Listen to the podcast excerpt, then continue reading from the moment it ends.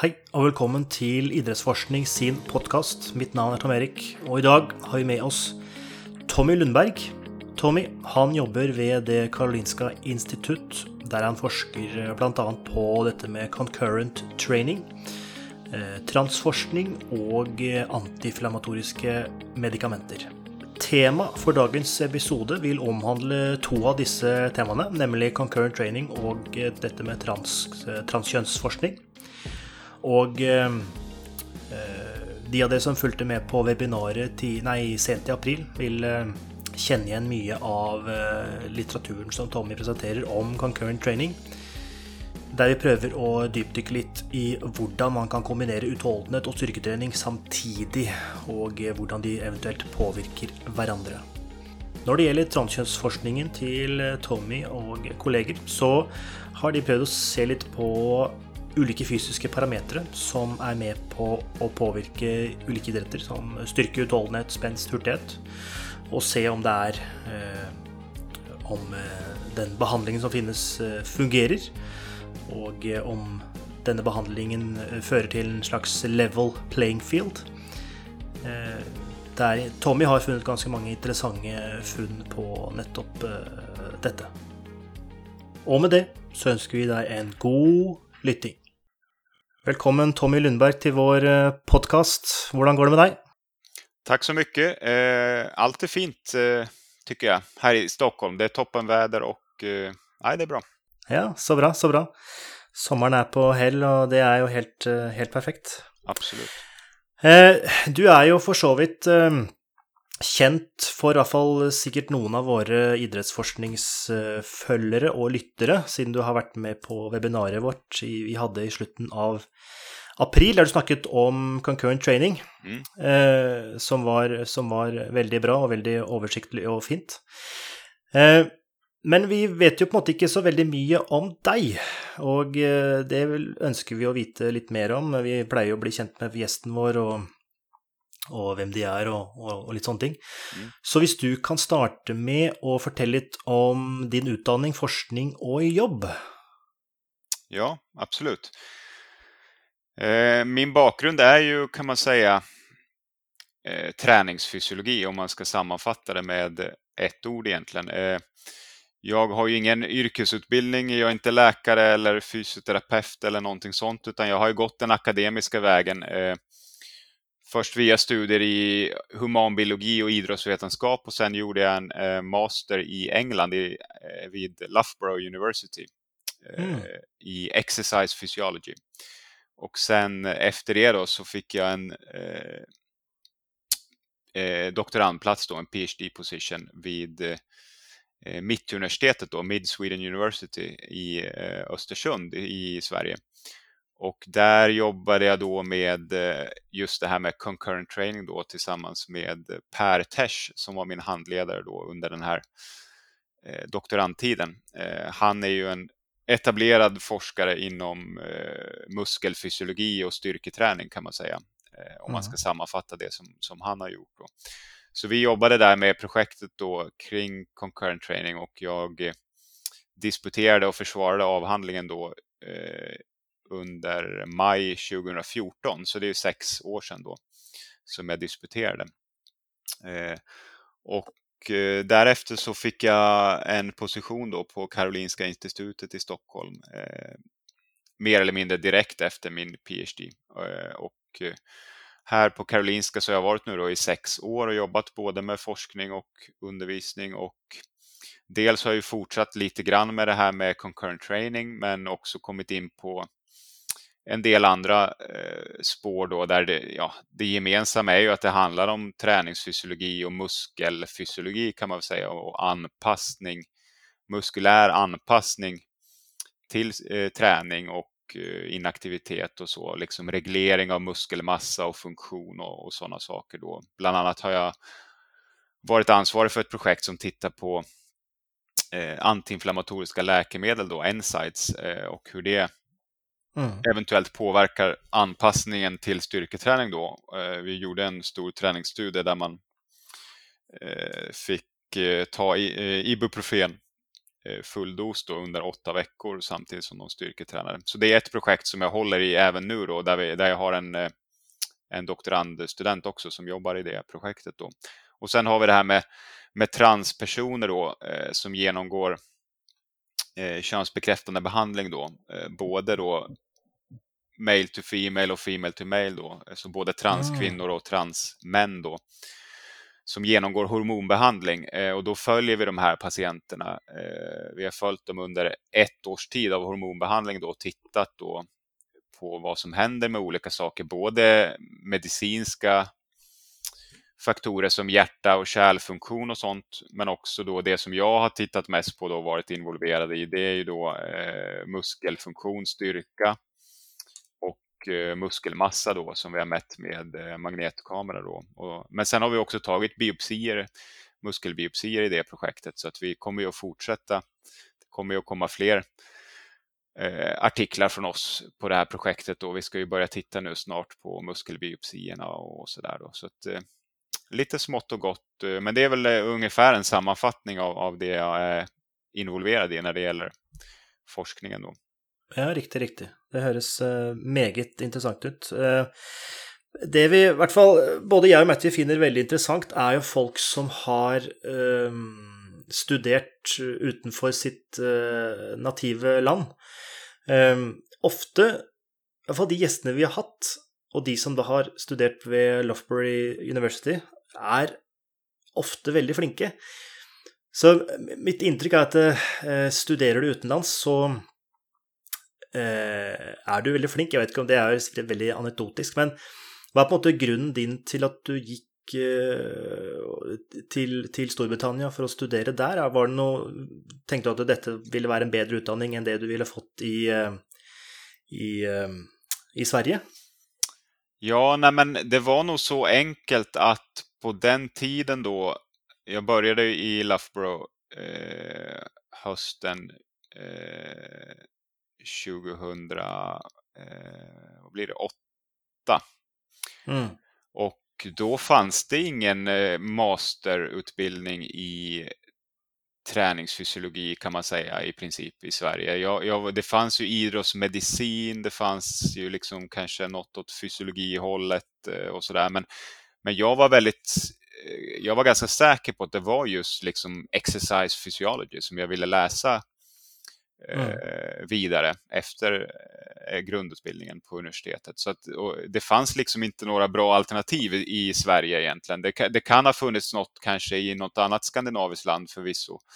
Men det tittade jag inte så mycket på. Jag googlade i princip kan man säga MSc Exercise Physiology och kollade runt då på olika ställen i, ja, egentligen i hela världen. Men jag tyckte väl England eh, kändes som en ganska bra Eh, kompromiss och det är inte allt för långt bort. Och då kollade jag på olika, jag kollade lite på Liverpool och några andra också. Men Loughborough hade ju jäkligt bra omdömen och rykte och mm, mm. Eh, var väldigt högt rankat inom sport science.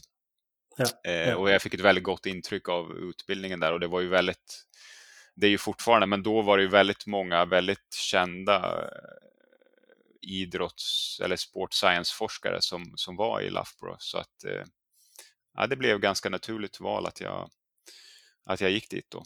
Mm, mm. Och du har ju, eh, før vi gick på lufta så gjennom, snakka vi lite om doktoraden din, och du var ju färdig för eh, sex år sedan. Eh, mm. Och du presenterade ju enkelte av disse funnene i webbinaret. Mm. Eh, Utifrån responsen vi har fått på både Instagram och andra sociala medier om concurrent training, och att vi ska snacka om concurrent training i dag, så mm Eh, virker det veldig naturlig å eh, på en måte repetere litt av dette webinaret og din doktorgrad. Så hvis du kan eh, fortelle litt om hva concurrent training er, og, og hva slags funn du eh, fant i din doktorgrad. Mm. Eh, ja, men det är ju så att concurrent training är ju då när man helt enkelt försöker kombinera eh, styrketräning och uthållighetsträning inom ramen för samma träningsprogram. Och eh, nästan alltid då i forskningen så jämför man ju då eh, ett program med concurrent training som är alltså både styrketräning och uthållighetsträning och så jämför man det då med ett program som är bara styrketräning eller bara uthållighetsträning. Det finns ju två två sidor egentligen av det här med concurrent training. Det ena är ju då hur påverkar det uthållighetsprestation, löpning och cykling och så vidare.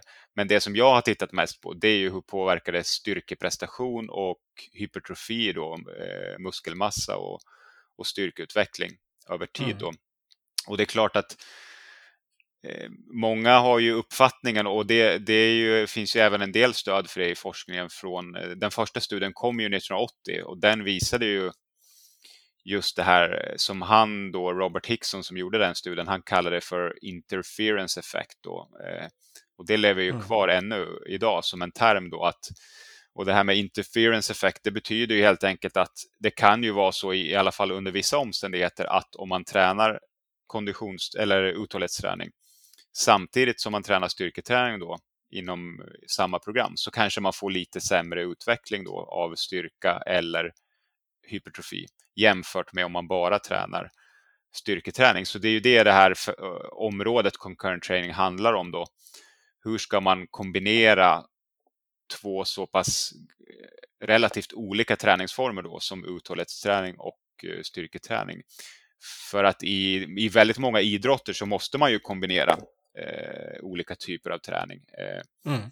Och då handlar det ju mer om ja, hur ska man kombinera det bäst och så vidare. Sen är det ju en del sporter eller en del kanske fitnessentusiaster som inte behöver kombinera eh, såklart också. Men, eh, men man kanske vill göra lite konditionsträning för att eh, det är bra för hälsan eller så till exempel. Så att eh, det är ju relevant, en relevant, ett relevant område under många, liksom från många olika perspektiv då, men, men eh, och så det är ett väldigt brett fält kan man säga. Men, men i just min avhandling så, så var vi väldigt fokuserade på just den här frågan om uthållighetsträning då hämmar hypertrofi eh, framför allt. Det var primära eh, outcome kan man säga. Men vi tittade mm. även då på styrkeutveckling eh, över tid då i, i min avhandling. Eh, så mm. det, det, var huvudfokus där. Mm. Och, och vilka fund fann det? Ja, men, eh, vi, vi använde en väldigt speciell modell då eh, för att vi ville då inte bara studera själva utfallet då, hypertrofi och styrka, utan även försöka koppla det till olika mekanismer. Alltså på den här tiden, då, när vi började planera projektet, då är vi alltså framme, då är vi inne vid hösten 2009. Och mm. då precis så var det väldigt, en väldigt het tes var baserade på experiment i möss och även cellkulturer, det var ju då att det fanns en molekylär förklaring kanske till varför eh, uthållighetsträning kan hämma muskelhypertrofi och det var då den här signalvägen som heter AMPK, att den då hämmar den här signalvägen för styrketräning som ökar proteinsyntesen och som gör att man eh, ökar i muskelmassa då, eh, det vill säga det vi kallar för hypertrofi. Då. Mm. Och, så vi ville kunna studera de mekanismerna också. Då. Eh, så då gjorde vi en väldigt strikt kontrollerad modell som inte, liksom, man kan inte säga att den är liksom applied på något sätt, för det var varken löpning eller vanlig cykling, utan vi var, använde en enbensmodell då, så att försökspersonerna fick cykla med ena benet bara och göra då upprepade knäextensioner under 45 minuter. Och sen gjorde vi styrketräning på eftermiddagen. I första studien så hade vi sex timmar mellan passen då, så de gjorde enbenscykling först på morgonen och sen gjorde de styrketräning för bägge benen på eftermiddagen sex timmar senare. Så då, och, och så gjorde vi en fem veckors studie eh, över det, då, så de tränade på det sättet i fem veckor. Och då är ju då eh, så poängen är alltså att ett ben har gjort concurrent training då, både uthållighet och styrka och det andra benet har bara gjort styrketräning. Och det vi fann var ju egentligen helt tvärt hypotesen då på det, den tiden, nämligen att hypertrofin blev faktiskt ännu större i benet som hade gjort concurrent training då jämfört med bara styrketräning då. Och detta var ju trots att den här AMPK-signalen till exempel var aktiverad efter uthållighetscyklingen där.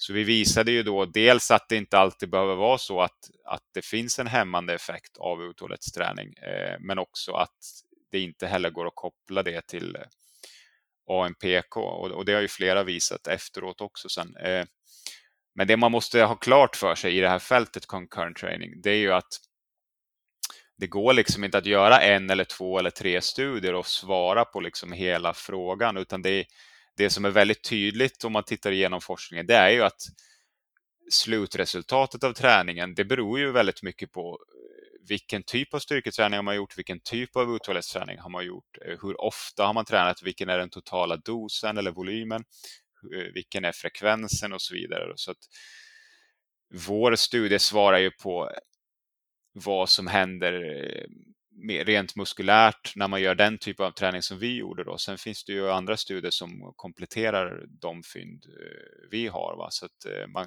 det, det, går liksom inte att dra generella slutsatser tycker jag av, av, våra studier bara, utan men de adderar bra pusselbitar. Det är ju ett pussel det här med current training. Då. Man får liksom mm, ta in mm.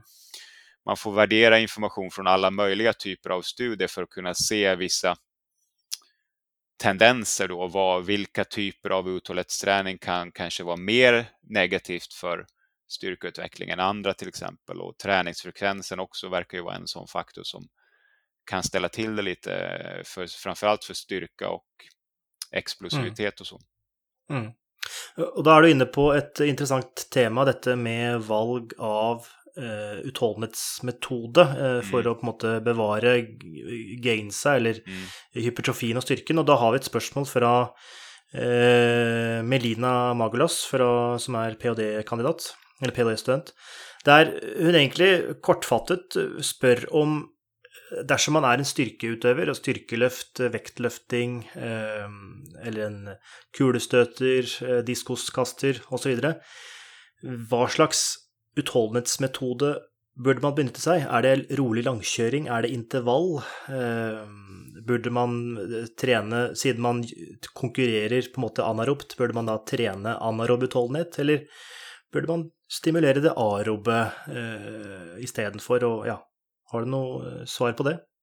Ja, det, det, alltså det korta svaret är väl att vi inte riktigt vet egentligen. Eh, det, man ska, det första man kan säga det är ju att om man är en powerlifter eller, eller weightlifter eller liksom tyngdlyftare då, mm. det är ju att uthållighet i sig är ju ingen viktig liksom, eh, träningsvariabel överlag då, eller liksom komponent. Det, det som man kan ju spekulera i det är ju att det kanske är bra att ha lite kondition då för att det kanske påverkar eh, hur snabbt man återhämtar sig mellan set och mellan träningspass och sådär.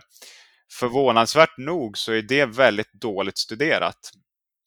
Eh, vi ska faktiskt göra en, en eh, liten ministudie nu i, efter sommaren här och titta på eh, hur starkt sambandet är mellan VO2 max och återhämtning mellan set i, i styrketräning. För det är inte alls så väl studerat. Men, ah, ja.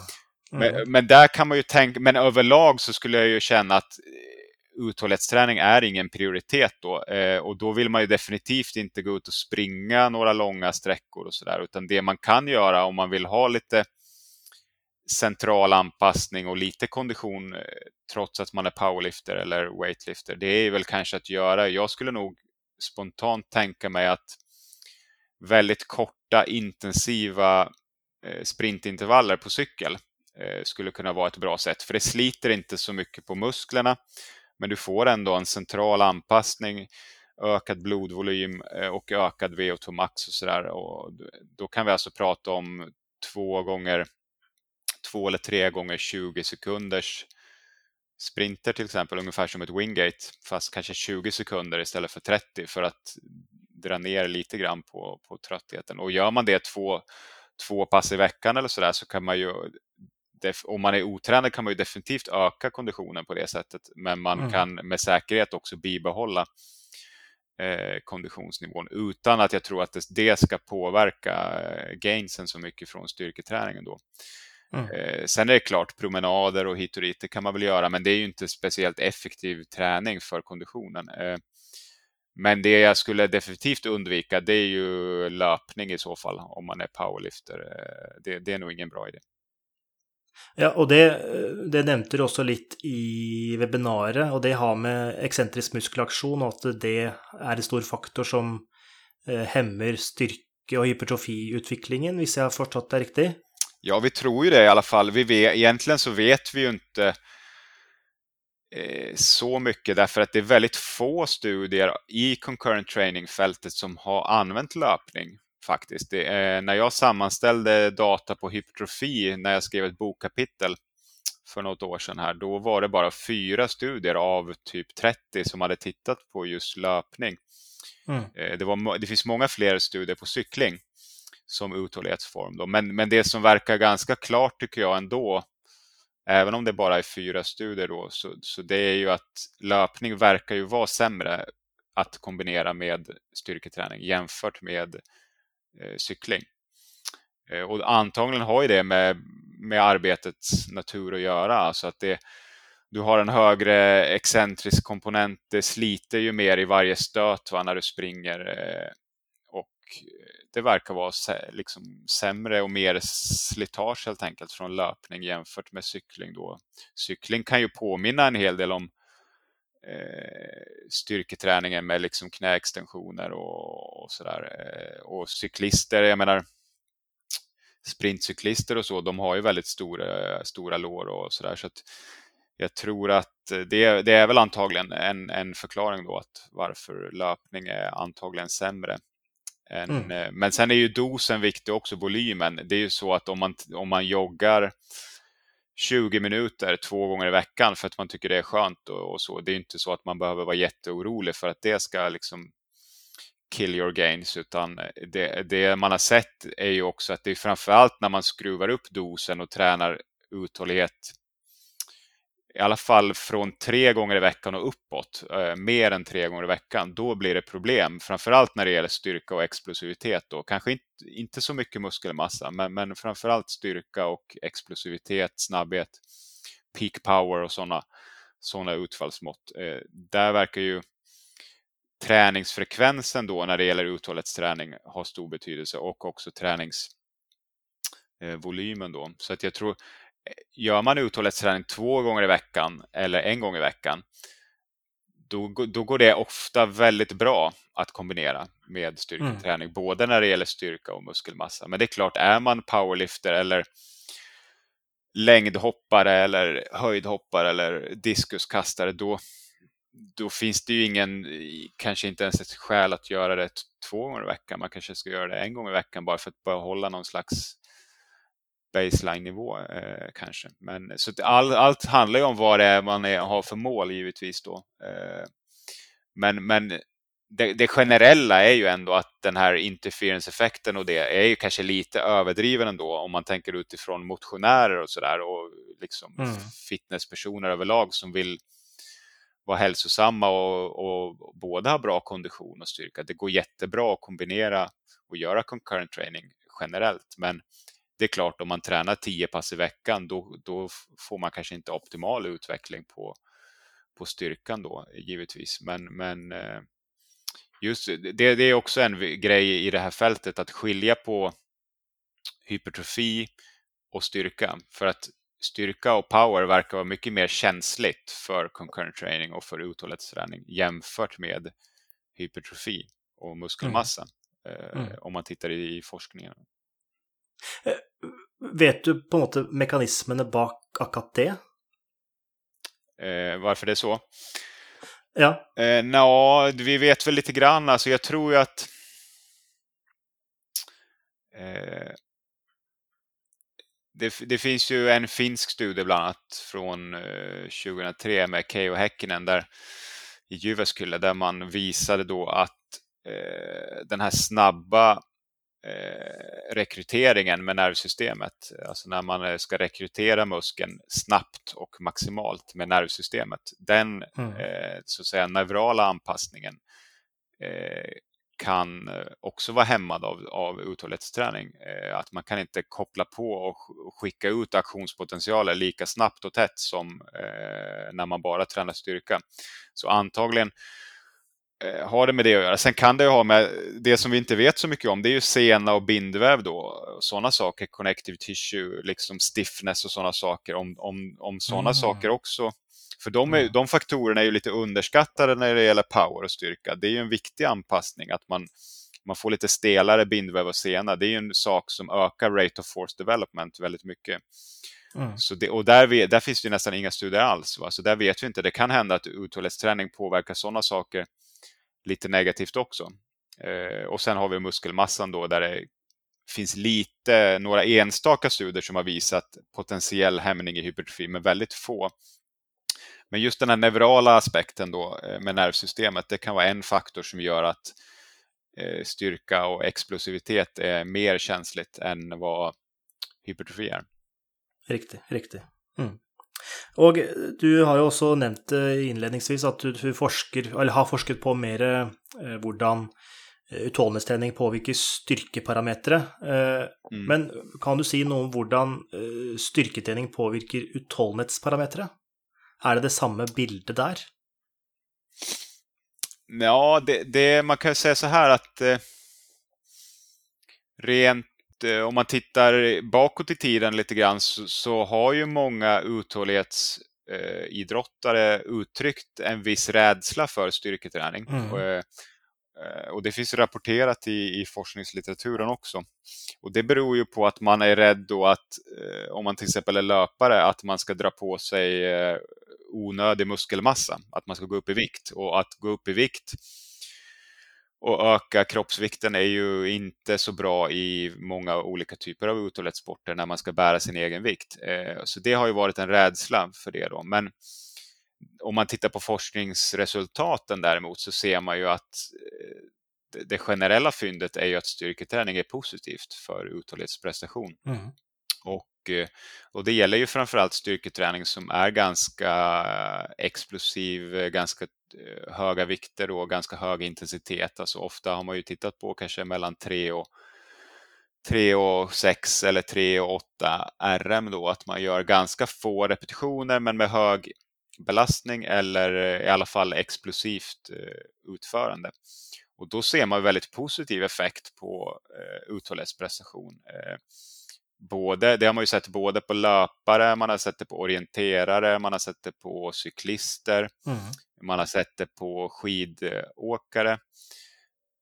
och så min tolkning där är att många uthållighetsidrottare nog skulle må bra av att byta ut lite av den här eh, all eh, mängd uthållighetsträning som de gör och, och, få in lite mer explosiv styrketräning då för att det verkar ju det verkar vara bra. Det är, man kan säga att det är två, två faktorer som gör att de presterar bättre. Det ena är ju att löpekonomin blir bättre, eller arbetsekonomin då. Mm. Så att de slösar mindre energi eller syre på en given eh, intensitet på löpbandet till exempel. Och den andra faktorn är att man får en bättre förmåga att lägga in en högre växel, en spurt. Man kan liksom hålla en högre power output i slutet av ett race till exempel. eller sådär. Eh, och de två faktorerna tillsammans gör ju att man kan förbättra då uthållighetsprestationen både på kortare distanser och på längre distanser med hjälp av eh, styrketräning också. Mm. Så att, och egentligen ingen av de här studierna som har gjorts heller visar någon signifikant viktuppgång eh, heller. Va? Så det verkar inte vara ett problem om man, om man tränar med relativt få repetitioner i alla fall. Så den absoluta generella slutsatsen är att styrketräning är positivt för uthållighetsprestation. Mm, mm, mm. Mycket bra. Eh, hvis, ehm, eh, du nämnde ju i webbinariet att det var egentligen ganska få studier på concurrent training, och du var väl på 30-tallet, tror jag det var, 34 eller vad det var för något och så har det blivit mer siden den gång, men det är fortsatt eh, mycket av fältet som tränger utforskas. Men Eh, hva er det dette forskningsfeltet trenger av forskning videre? Hvor burde veien gå videre hvis man skal se og få et mer helhetlig bilde av hvordan concurrent training foregår og, og burde foregå? Ja, man kan väl säga att eh, alltså det, det, det, finns ju ganska många studier då, överlag. De, de jag pratade om i webbinariet var väl kanske bara de, i något fall var det väl bara de studierna som har tittat på just hypertrofi. Om man, om man inkluderar även styrka, explosivitet, eh, power, då finns det ju ännu fler studier. Men problemet är väl att många studier är ju väldigt små Eh, man kanske har 7, 8, 9, 10 personer i studierna eh, eller två grupper som man jämför som är 8, 9 personer.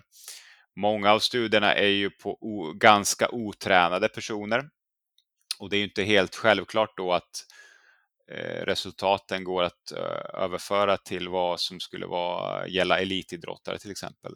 Så där är ju en sak då att det, det skulle ju behövas lite mer studier på personer som faktiskt är väldigt tränade eller till och med kanske idrottare då. Det är ju en sak. Eh, en annan sak är att det är väldigt spridda skurar då som man säger, alltså att det, det, det är inte så många forskningsgrupper som har gjort en serie av studier eh, som är väldigt kontrollerade där man kanske bara väl, eh, byter en faktor i taget. Att man upprepar ungefär samma. Det var ju lite det vi försökte göra då, men det är inte så många andra som har gjort det. Att man försöker göra flera studier och så manipulerar man bara en variabel däremellan. Då får man ju en bättre möjlighet att faktiskt försöka utröna vilka faktorer som har störst betydelse. Då. Mm.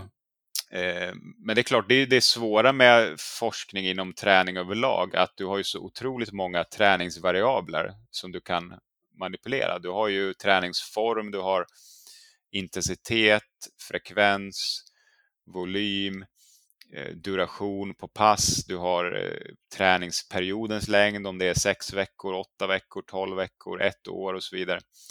Så det är ju så otroligt många variabler att bolla med och därför kommer det ju krävas, det är ju som att bygga ett pussel lite grann känner jag, att man måste liksom addera information från många olika studier för att kunna se de här stora stora dragen. Liksom. Eh, så det, det, det, är väl det jag skulle ha, större studier, eh, upprepade studier där man bara ändrar en variabel. Eh, man skulle vilja ha mer studier också på elitaktiva eller åtminstone tränade personer. Mm. Och så. Det är väl, det är väl sådana saker tycker jag som, som fattas lite grann. Bra. Og eh, du har jo for så vidt eh, nevnt i webinaret, men de som på en måte ønsker å lese mer om concurrent training, så er det jo Du har jo et kapittel i en bok som har blitt eh, ja, lagd av veldig mange forfattere, men de som er redaktører, er Schumann og Rønnestad. Ja, det är, en, det är en hel bok om concurrent training på kanske 25 kapitel eller så. Så, att, mm. så den är ju den är ju bra, men som sagt, i alla fall när den kom ut så var den ganska dyr tyvärr. Men Sen finns det ju översiktsartiklar och, och hämta såklart på via PubMed och sådär också lite grann om. Eh, ja. Men det är klart, boken ger ju en bra helhetsbild av hela fältet såklart. Mm, mm. Bra. Da tenker jeg vi beveger oss til et annet eh, forskningsfelt du har uh, drevet litt med. Um, mm. og det har med forskning på trans, uh, transkjønn. Um, og kan du fortelle litt bakgrunnen bak uh, dette temaet, og uh, hva de studiene dere har gjort hittil, har uh, handlet om?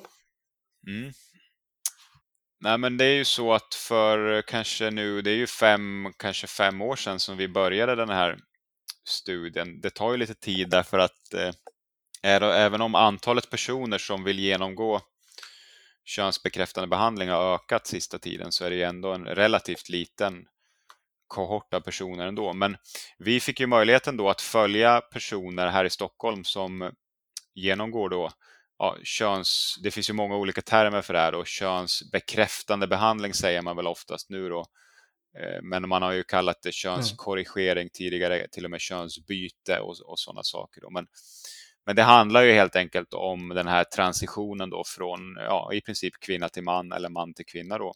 Och i den processen så eh, Eh, efter att man har blivit så att säga godkänd eh, för behandling så går ju behandlingen ut på att man byter mm. könshormonsprofil. Va? Eh, det betyder att de som ska gå då i riktningen kvinna till man, de får då testosteronbehandling och de som går då i riktningen mm man mot kvinna då, om man säger så, de eh, får då, då, då slår man av testosteronproduktionen och tillför östrogen istället. Eh, och det här gör man ju innan man gör eventuell kirurgi och så, det brukar ju komma senare då, eh, om man även vill göra kirurgi av, av könsorgan och sådär. Så men vi har då följt mm patienter då här i Stockholm som genomgår den här behandlingen och vi har följt dem under ett års eh, tid då, av hormonbehandling, så 12 månaders hormonbehandling då. Och eh, vi tittar ju på en rad olika parametrar. Då. Det är ganska många forskare som är involverade i det här. Då. Vi, vi tittar på hjärta och kärlfunktion, vi tittar på kroppssammansättning, muskelmassa, muskelfunktion då i form av styrka. Och vi har även tagit biopsier då från muskel och från, men även från fett och hud. Så vi ska ju titta på det här väldigt brett då, men det som jag har varit intresserad av i det här, det är ju den här frågan om vad som händer med styrka och muskelmassa, därför att eh, jag är ju, mm, har ju en mm. idrottsvetenskaplig bakgrund och jag insåg ju efter ett tag att eh, den här frågan är ju väldigt intressant inom i, och väldigt omdebatterad inom idrotten. Och det tror jag inte vi riktigt ja. eh, vi tänkte inte så mycket på det i början där när vi drog igång studien. Men sen i och med det här med, ni, ni vet, med, det blev så hett det här med Castesemania och den här testosteron diskussionen va? och sen också det här med transpersoner då också sen. Då insåg vi ju att våra data här när det gäller muskelstorlek och så som vi har mätt med magnetkamera, vilket är väldigt bra verktyg då. Eh, och styrka har vi mätt knäextensorer, knäflexorer då. Eh, den informationen fanns ju inte riktigt eh, ute då och, och var väldigt, så vi insåg att det var väldigt intressant. Så då valde vi att, att sammanställa det på de 23 första personerna som genom, eh, var så att säga färdiga med den här ettårsbehandlingen då. Och det publicerade vi då i, i slutet på förra året då. Så i den, i den artikeln då så är det 23 personer med då, men det är L, 10 då trans, eh, vad var det, det var 12 transmän tror jag och 11 transkvinnor då. Så trans, trans, man ska ju definiera det här. Transkvinnor, det är alltså eh, male to female eh,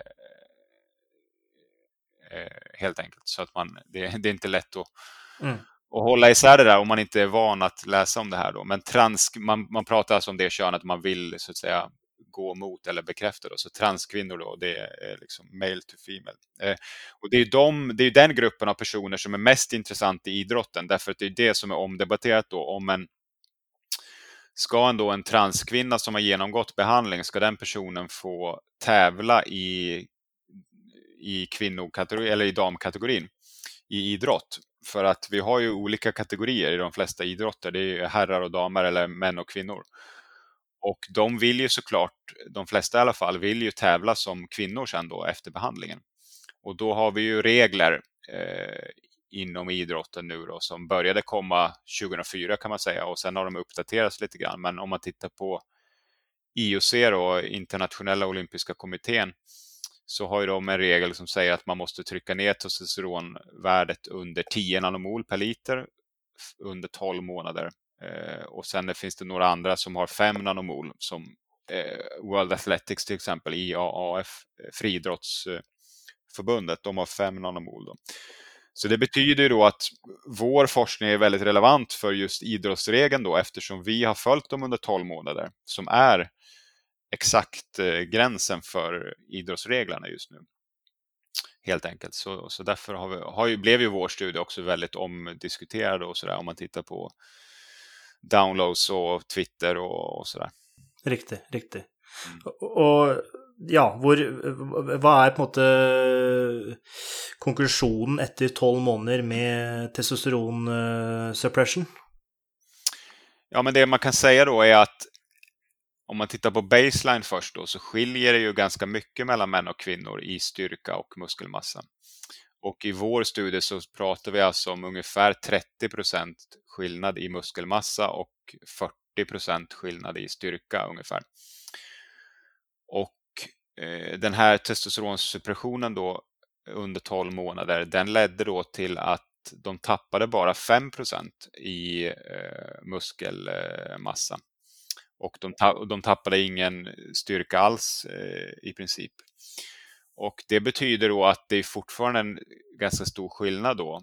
Eh, det vill säga de är fortfarande mycket starkare och har mycket större muskler eh, än eh, så att säga referenskvinnor. Eh, och det är klart att många då inom idrotten tolkar ju det som att de har en, eh, ett kvarvarande, en kvarvarande fördel, alltså ett, ore, eller ett orättvist övertag mot eh, kvinnor. Då. Och, eh, så det är där problemet ligger då att man, man kan hävda att de har en, en eh, fortfarande ett fysiskt övertag eftersom de tappar ju inte hela den här eh, skillnaden utan de tappar bara 5 eh, eh, och det, om man tittar på andra studier som har gjorts tidigare, då är det, ju, då är det främst lean body mass med DEXA som man har tittat på. Så finns det några med grip strength och hand, handgripsstyrka. Och, och de studierna visar ungefär samma sak.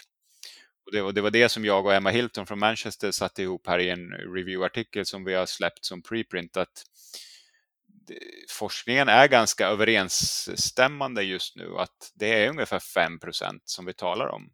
Det är ungefär det som händer på 12 månaders testosteronsuppression hos eh, transkvinnor och det är ju ganska liten förändring om man ser alltså mot bakgrund av den stora skillnaden som är från början.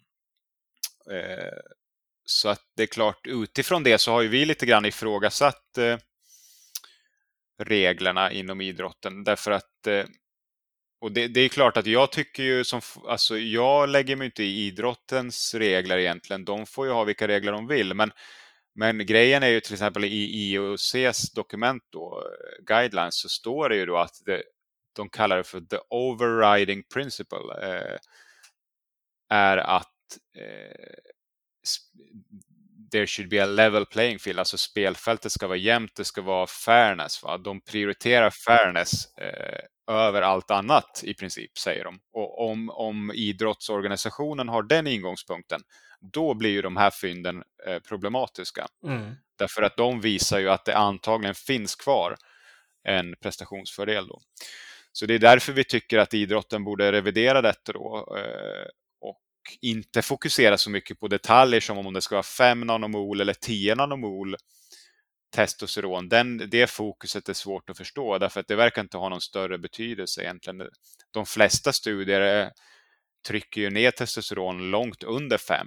Behandlingen går ju ut på att hamna kring liksom 1-2 ungefär som är det typiska värdet för, för kvinnor. Då. Okay. Så att, eh, det är väldigt spännande fält det där. Alltså. Eh, Denne 12 måneders behandlinga mm. gjør at man faller innenfor kriteriene som IOC har satt på 10 nanomol og eventuelt fem. Men det er fortsatt Eller det, det, det, har på en måte ikke noe å si, fordi styrken og muskelmassen er fortsatt der. Exakt, de tappar bara ungefär 5% Riktigt, riktigt. Så, så det är klart att det, det är ju problemet då eh, utifrån eh, det här fairness-perspektivet. Sen har du ju också safety-perspektivet och säkerhet som man är som är väldigt relevant i vissa sporter som rugby till exempel eller kanske ishockey och sådana sporter där det är mycket kontakt och kollisioner.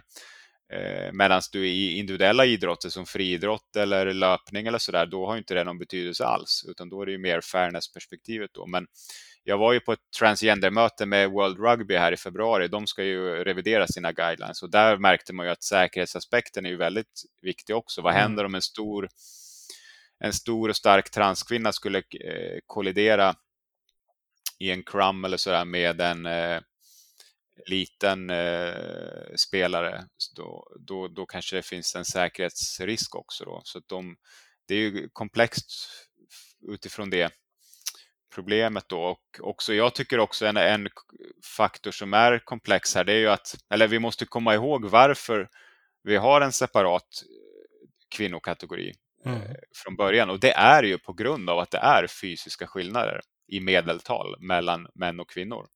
Det är därför vi har en skyddad damkategori. Man pratar ju om det, en protected female category. Och det beror ju just på att det är stora fysiska skillnader som i, till allra, allra största del beror på eh, testosteronet då som kom, kickar igång i samband med puberteten.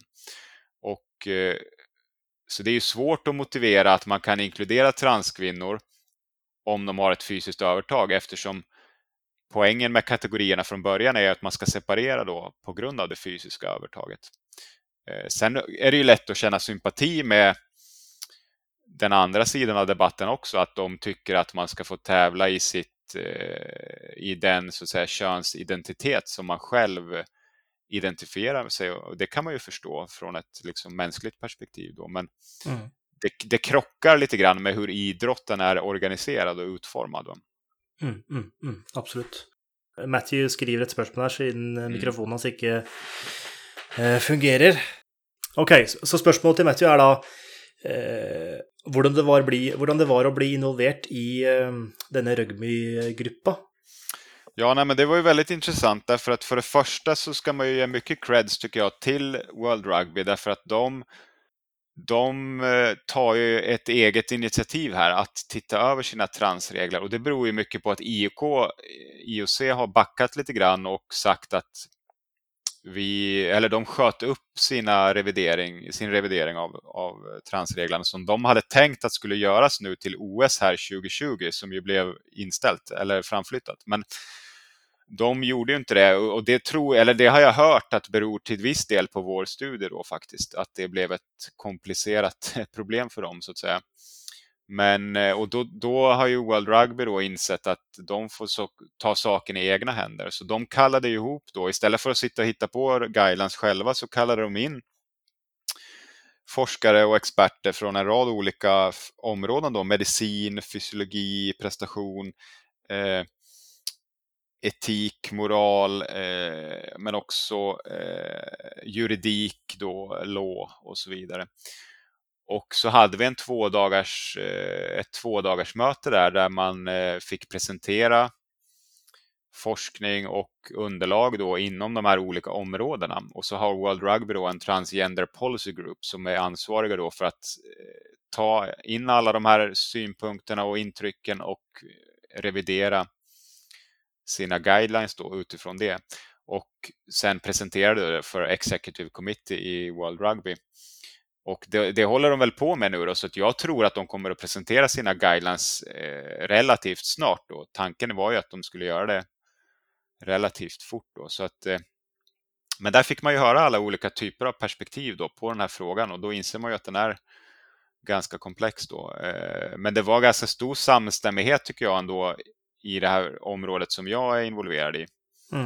Att eh, det finns en fysisk, såklart en fysisk skillnad mellan män och kvinnor och forskningen just nu tyder på att en stor del av den det fysiska fördelen är kvar efter, åtminstone efter 12 månaders eh, behandling. Då.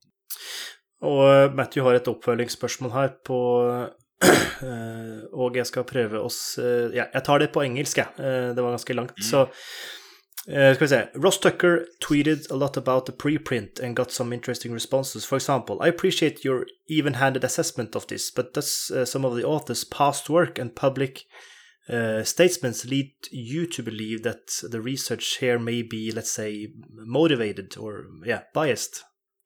Uh, yes. Ja, just det. Uh, svenska. Uh, ja, det är en bra fråga därför att det är ju så att eh, hon eh, som jag skrev den här artikeln med, då, Emma Hilton, hon var ju också med för det första i det här World Rugby-mötet också. Riktigt. Det var, där, det var egentligen där vi började prata om att kanske sammanställa forskning. Då. Och hon har ju uttryckt väldigt tydliga åsikter i den här frågan tidigare. Det är ju ingen hemlighet. Eh, det är ju bara att titta på hennes Twitterflöde så mm. ser man ju det. Mm. Men då är ju frågan kan man så att säga det är klart att, man kan vara att hon kan vara biased, va? Men, men frågan är, det är ju inget det är ju inget konflikt of interest att ha åsikter. Va? Det som är viktigt är ju att man eh, eh, kan bedöma då artikeln givetvis och de studier, alltså de studier som vi baserar våra slutsatser på. Det är ju peer-reviewed eh, originalstudier som, som ingen av oss har varit involverad i förutom den här eh, våran eh, studie, den senaste såklart. Men vi sammanställer ju data från 11 longitudinella studier. Och alla de 11 studierna visar ungefär samma sak. Va? Och det är det som är så bra med en review-artikel, att man kan ju gå in och granska alla påståenden, man kan gå in och granska alla studier som vi refererar till eh, och se om man eh, om det är någonting som, eh, som vi har missat så att säga. Eh, och jag, min, Alltså min position i det här, det är ju inte att jag tycker så mycket. Jag har inte några starka åsikter om själva idrottsfrågan egentligen, utan vi har, men vi har ju byggt upp artikeln lite utifrån det här perspektivet att IOC säger att fairness is the overriding principle. Mm.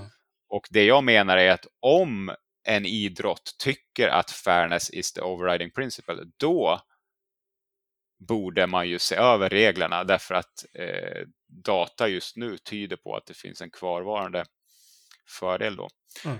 Men det här som sagt, vi släppte ju den här som preprint och den ska ju genomgå peer review nu och sådär. Så, att, eh, eh, men man kan ju säga att den typen av feedback vi har fått på artikeln eller på preprinten på Twitter och sådär, den har ju varit positiv överlag och sen finns det ju de som har kritiserat såklart, men som, ungefär som Matthew nämnde här. Men, mm. men det har ju inte varit fakta det är ju ingen som har hittat något faktafel eller att vi har tolkat någon studie fel eller sådär. Eh, så, men det här är ju väldigt känsligt område eh, och därför blir det ju då väldigt extrema åsikter ibland och man kan ju bli kallad nästan att man är transfobisk eller sådär bara för att man försöker liksom mm. ja, men presentera vad forskningen eh, säger då. Mm. Men ja, det är väl ungefär så jag ser på det. Vad är det egentligen kritiken handlar om? Är det på något sätt att du blir kallad transfobisk eh, stort sett? Eller men är det några andra logiska, eh, gott argumenterade grunder bak kritiken? Eh, alltså, ja, du sa ju det att eh, fra et menneskelig perspektiv så skjønner man jo at transkvinner vil konkurrere med kvinner fordi de rent eh, gendermessig ja. identifiserer seg med det. Men som du sier, mm. det skaper ikke en level playing field. Mm. Så hva er på en måte kritikken her, hvis man skal se på den konstruktive kritikken? Nej, men jag tror att det... Alltså, dels finns det ju de som inte så att säga, kan bedöma eller förstår att forskningen just nu säger så här då, eh, att det är ungefär 5% som man tappar. Det är, det är, ganska många som inte vet det för det första. Men, men sen är det ju också, man kan ju komma in med det här med perspektivet helt och hållet. att Det, är en, alltså det, det finns ju många personer som ser det som en självklarhet nästan att man ska få tävla i den könskategori som man identifierar sig med. Och har man det perspektivet då, då har man ju kanske lite svårt att se de här andra, eller då tycker man att alla andra potentiella problem med det, till exempel det här med fairness, att det är så att säga sekundärt.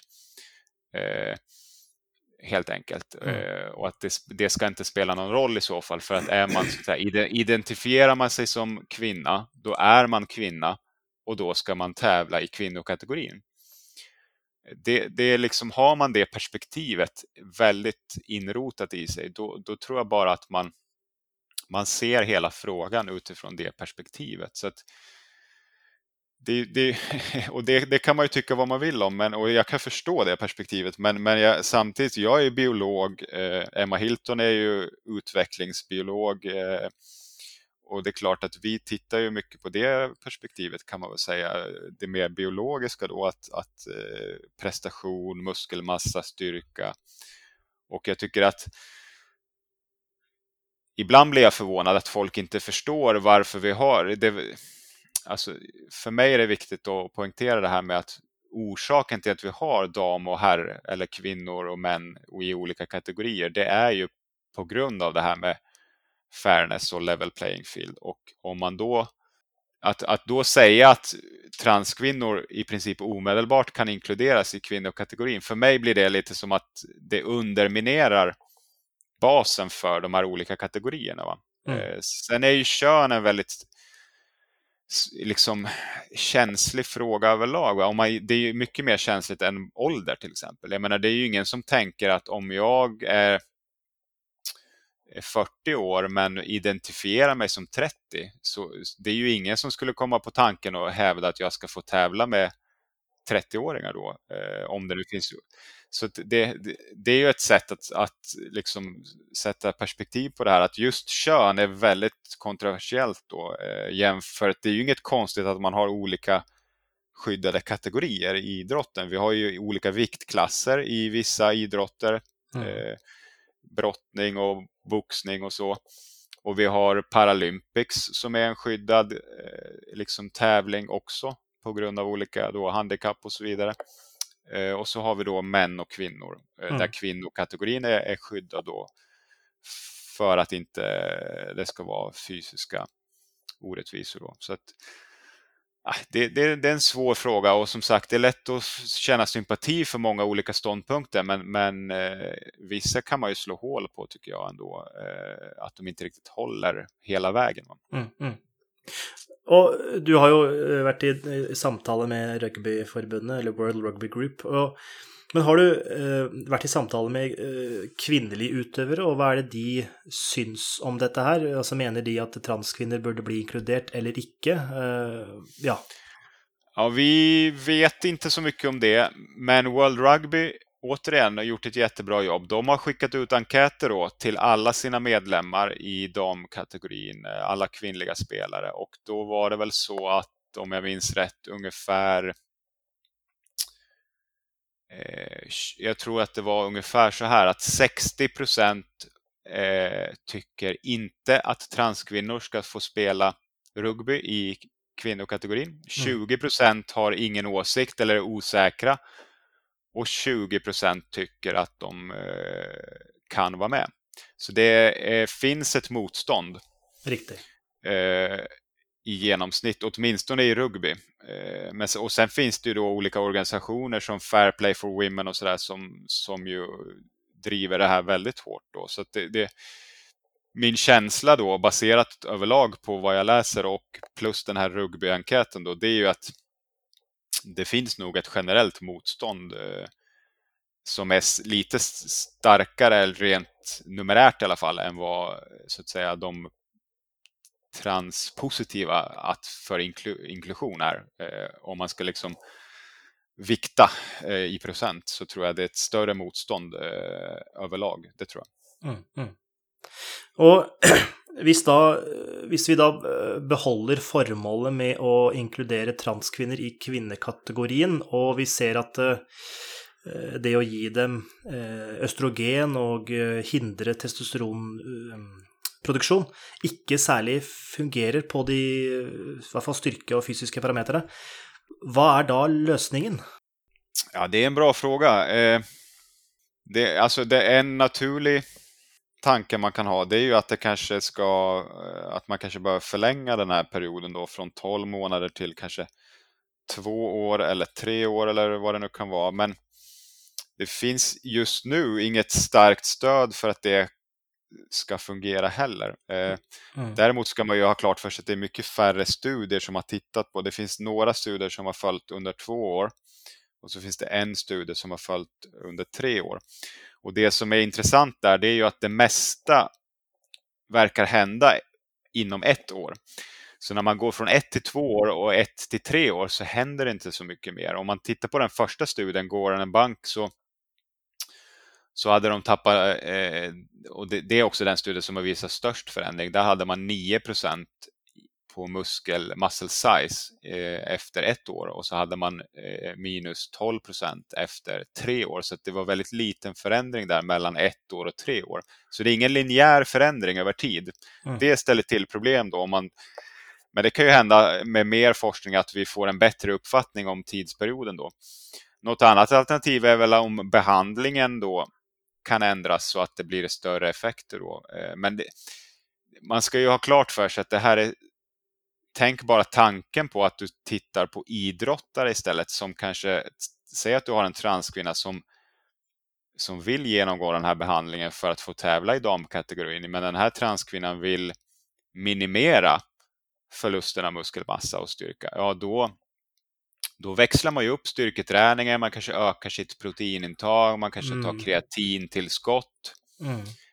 Och då är jag ju helt övertygad om att man kanske nästan kan helt eliminera den här eh, förlusten av muskelmassa. Eh, och det är klart, börjar man blanda in sådana parametrar, att man kanske tränar samtidigt och sådär, då blir ju det här en otroligt svår fråga. Så, och egentligen så, här, så är ju svaret på din fråga att vi har ingen lösning. Och det är det som är problemet och det är därför vi fortfarande diskuterar det här och, och, och, och inte har någon lösning. Det är ju att det, det finns ingen perfekt lösning eh, alls. Eh, det, jag tror jag tror att en del idrotter, eh, jag tror till exempel att World Rugby kommer kanske att förbjuda transkvinnor till och med att eh, vara med i, i kvinnokategorin. Det, det, jag vet inte det alls. Jag har bara, det är min liksom magkänsla efter det här mötet i London, att de kommer att prioritera säkerhetsaspekten och fairness så pass högt att de eh, just nu, temporärt i alla fall, kommer att, kanske kommer att eh, förbjuda transkvinnor. Eh, så att, men sen då får vi se i framtiden. Det är klart att vi saknar ju studier på specifika idrottsprestationer som till exempel löpning och så finns det ganska, det finns nästan ingen information om det. Eh, och det är klart att man kan ju tänka sig att uthållighetssporter kanske påverkas annorlunda jämfört med eh, styrke power-relaterade eh, sporter. Dels är ju baslinjeskillnaden i en del uthållighetssporter är inte så stor, den är ju kanske 10-11 procent och om de då tappar lite muskelmassa och styrka och så får de mera fett också generellt, transkvinnorna, då kanske det kanske efter två år eller så kanske löpprestationen eh, är mer jämförbar och då kanske man kan inkludera transkvinnor i den typen av sporter. Va? Så, att, så det är just skillnad mellan olika idrotter och det, det tycker jag talar för att alla idrottsorganisationer borde ha sina egna transregler därför att just den här balansen mellan inclusion, fairness och safety, den balansgången ser väldigt olika ut mellan olika idrotter och det fysiska gapet är också olika stort. Det är liksom 50 procent i powerlifting och så är det eh, 10 till 12 procent i i simning och flera löpgrenar till exempel. Mm. Eh, så att jag tycker inte att det ska finnas en generell transgender policy som gäller för all idrott, utan det borde vara upp till varje idrottsorganisation att bestämma sin egen eh, transgender policy. Mm, mm, Absolutt. Absolut. Och eh, det är väl inte det är väl noen som har snakket om att lage egne eh, klasser eller kategorier. Altså, altså transkjønnede kvinner konkurrerer mot andre transkjønnede kvinner. Eh, og det er for så vidt en mulighet, eh, tenker jeg. Eh, men da Det har sikkert med ressursbruk og, eh, og, og, den slags, at det vil koste mer for selve forbundet å arrangere konkurranser, fordi det er flere Ja, men jag tror, jag tror också att eh, jag är ju tveksam till att transpersonerna ser det som en liksom meningsfull och intressant kategori för att det blir ju så få personer som är, är med där på något sätt. Eh, det, det blir ju inte samma grej. Va? Så att jag, jag, jag, tror inte att det är en lösning faktiskt, men eh, ja, jag är tveksam. Okej, okay, okej. Okay. Mm. Men, og du nevnte jo også eh, detta dette fra female til male, som da får testosteroninsprutning. Eh, jag Eh, jeg vil, jeg vil anta også at de også ikke har en level playing field, eh, och og da med tanke på at de har en ulempe fordi de potensielt ikke når de samme nivåene. Har du sett noe på det? Ja, men det, det, man kan ju säga så här då att om man tittar på IO, IOCs regler och så där så säger de ju i princip, och även World Athletics, de säger ju i princip att transmän kan få tävla i eh, herrkategorin då eh, utan restriktioner i princip. Eh, det vill säga det är inte lika kontroversiellt då det, det, för att man anser, även om de får testosteron då, så kommer de ändå inte riktigt upp ju i, i eh, samma fysik och muskelmassa och styrka som männen. Mm. Och därför så ser man det inte som någon orättvisa eh, på något sätt att de skulle vara med i herrkategorin. Det som är eh, det eventuella problemet där, det är om de skulle vilja fortsätta i kvinnokategorin trots att de är transmän och får testosteron. Då blir det en dopingfråga. Ja, riktigt sån ja. Och det är ju inte tillåtet i de flesta idrotter tror jag. Det, det, kan vara någon som har gjort undantag för en del transmän att under en tid i alla fall fortsätta i, i damkategorin. Då. Jag, det, jag tror att det är lite olika där mellan olika idrotter men, men det, finns, det finns generellt inget hinder från liksom, de här policydokumenten i alla fall att en transman eh, är med i herrkategorin. Mm, mm, mm. Riktigt, riktigt. Um. Vad var det? Jag tänkte Matthew har skickat någon länk här. Var det, ska vi, Vill du att jag tittar på den Matthew, eller var någon Twitter-tråd här eller? han skriver ett annat. Det är i alla fall en tweet från Emma Hilton. Ja, men det är ju det där man är orolig för i rugbyn, att, eh, att det ska öka skaderisken och till och med i rugby har man ju fatala skador ibland med paralyseringar och, och så, eh, som mm. man är mm. väldigt orolig för. Mm. For det, Kroppsvekt vil jo være en stor fordel her. Når du da tilfører også akselerasjon, så vil jo mest sannsynlig skaderisikoen øke. Når eh, ja, to individer ved svært ulik vekt barker sammen. Så det er helt Precis. klart. Mm. Och jag tror att de, eh, World Rugby skulle väl tror jag, initiera lite forskning också om just det här eh, ur ett mer kanske biomekaniskt perspektiv. Vad händer liksom med massa och acceleration och sådär när man och impact force och så. Eh, och, och, försöka simulera det lite grann för att få en bättre liksom mer objektiv uppfattning på hur det skulle kunna påverka skaderisken och sådär. Riktigt. Men för mig så verkar det som att okej, okay, den Altså, du har jo Som transkvinne så, eh, så har du jo opparbeidet deg eh, muskelmasse og styrke når du var eh, biologisk Eller når du var mann, eller identifiserte seg som mann. Mm. Og så får du denne suppression, testosteronsuppression, i tolv måneder eller, eller lengre. Og, og testosteronet reduseres. Men styrken og muskelmassen reduseres også, men ikke i like stor grad. Så for meg så virker det som at det å opparbeide seg muskelmasse trenger man testosteron, men for å uh, beholde eller opprettholde muskelmasse og styrke, så trengs mindre testosteron.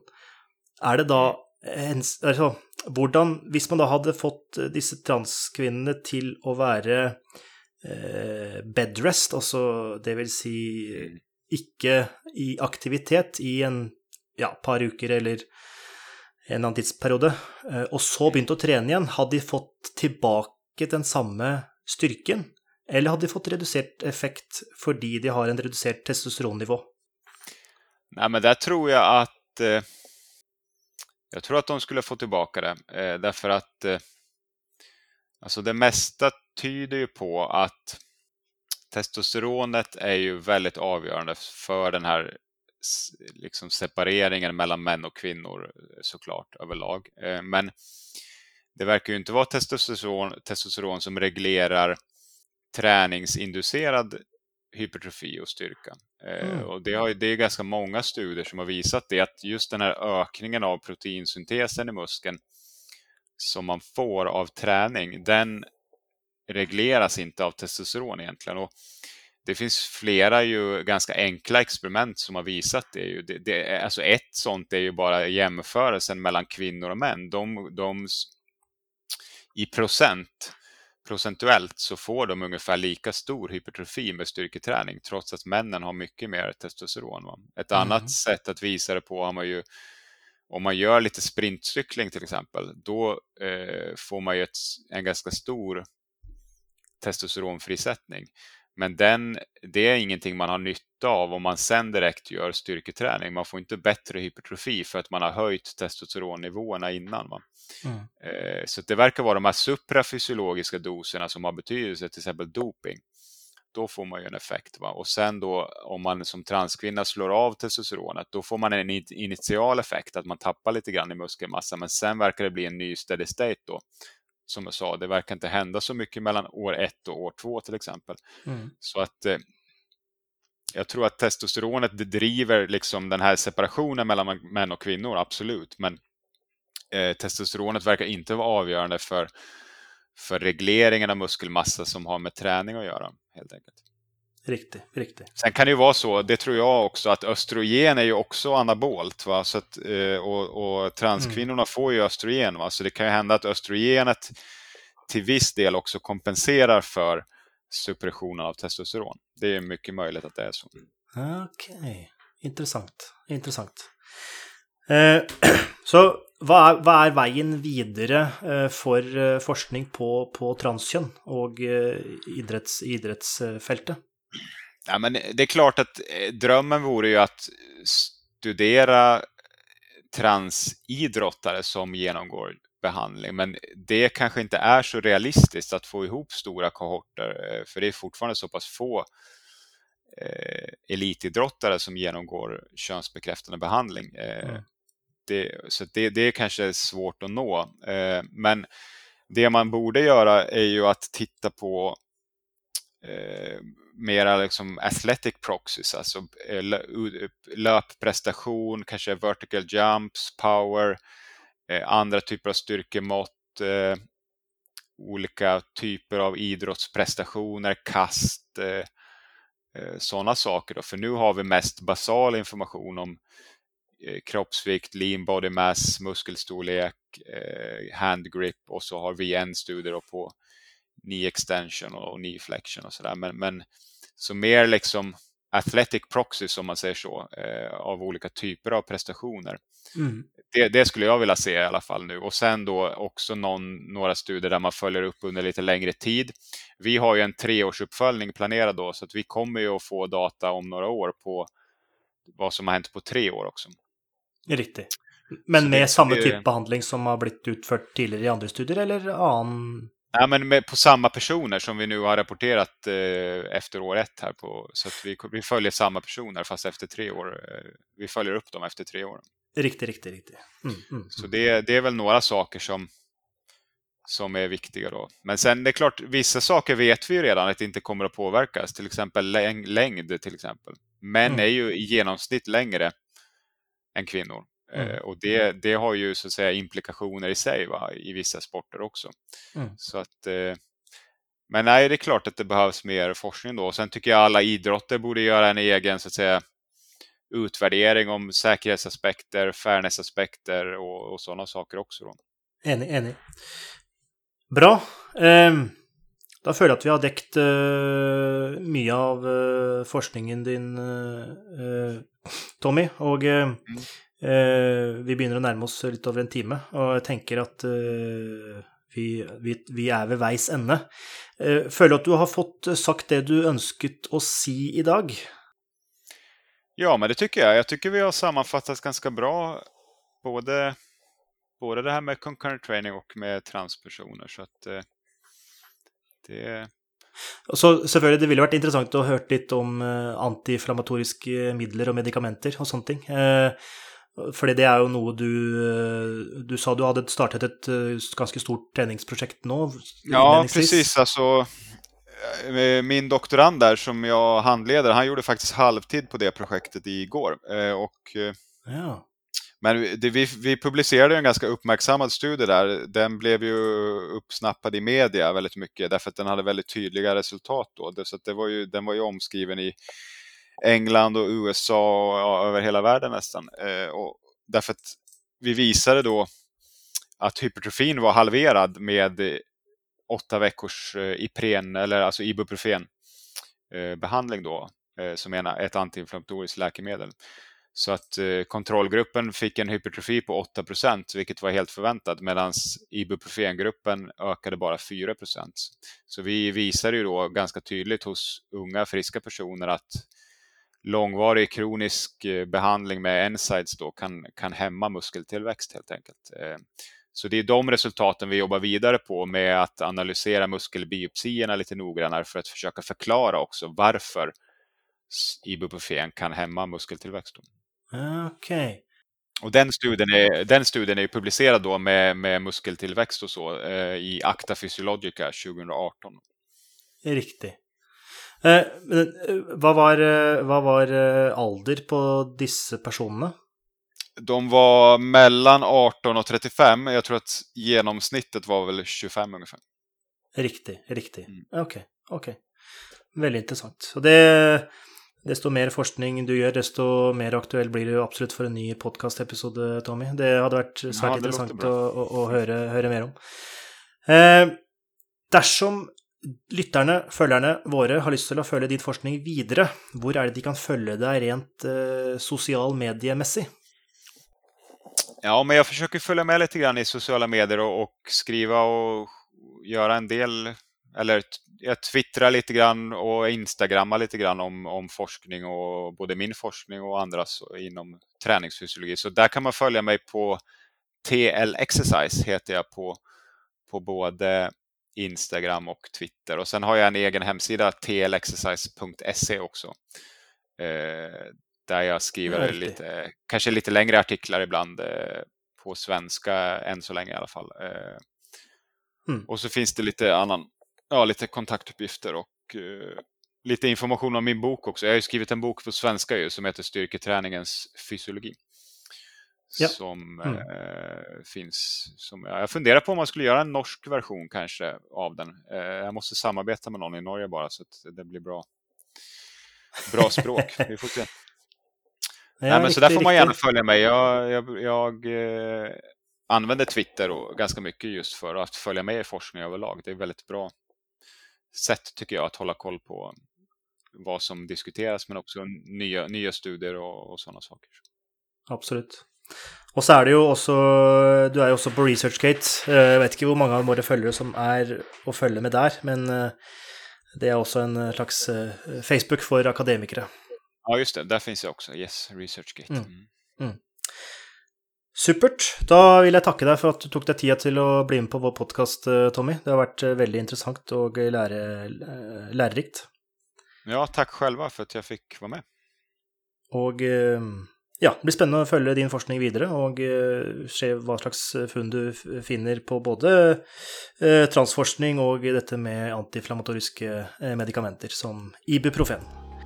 Det var det för denna gång.